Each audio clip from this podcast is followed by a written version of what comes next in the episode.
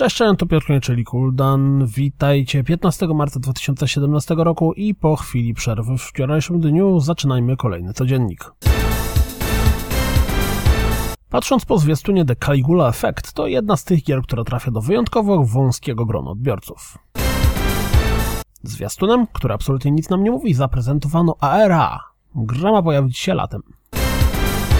Oto zwiastun Everything. Gra ma pojawić się 21 marca na PlayStation 4, a później na Steamie. Co sądzicie o takich interaktywnych doświadczeniach?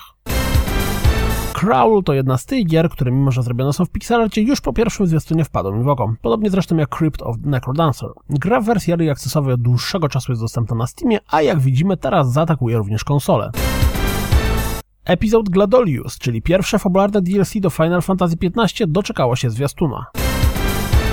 Paladins na Steamie stanowczo osiągnęło swoisty sukces i teraz zamierza powtórzyć go na konsolach. Heheszki o DLC do Overwatcha w komentarzach do filmiku zapewnione. Twórcy Resogun czy Alien Nation zwiastunem zaprezentowali swój nowy tytuł Next Machina. Gra zmierza tym razem wyjątkowo na PC. Rocket League nie przestaje się rozwijać. Sprawdźcie zwiastun trybu Dropshot.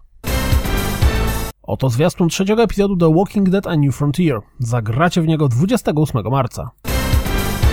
O, kolejna gra na architekta. Zobaczcie zwiastun Air Guitar Warrior. W związku ze zbliżającą się premierą Has Been Heroes przypomina o sobie fabularnym zwiastunem. Mielibyście ochotę na RPG w samurajskich klimatach? Być może Tale of Ronin dostarczy, ale ciężko ocenić to po pierwszym zwiastunie. Hu hu ha, hu hu ha, czyżby Fracture But Whole zmierzało na Switcha? Zgodnie z tym, co podaje Superdata, Nintendo Switch sprzedało się do tej pory w liczbie ponad 1,5 miliona sztuk. Całkiem nieźle. 90% kupujących zdecydowało się sięgnąć również po Zelda.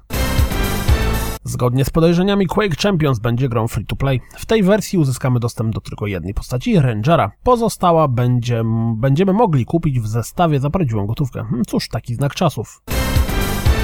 Do The Crusader Kings 2 zmierza update Monks and Mystics. Zawsze podziwiam osoby, które odnajdywały się w takich tytułach. Orisa w Overwatchu pojawi się już 21 marca. Pojawiły się dwa nowe filmiki związane z Mass Effect Andromeda. Jeden poświęcony trybowi wieloosobowemu, drugi postaci pioniera.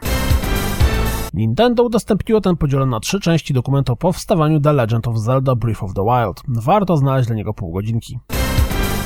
Na zakończenie trochę rozgrywki. Postacią nekromanty w Diablo 3 Reaper of Souls i z horroru, gdzie sterujemy niewidomą osobą, czyli Perception. To wszystko na dziś, jak zawsze dziękuję za słuchanie, jak zawsze zapraszam na www.rozgrywkapodcast.pl Jeśli doceniacie moją pracę, wesprzyjcie mnie na Patronite i mam nadzieję, że jutro. Trzymajcie się, cześć!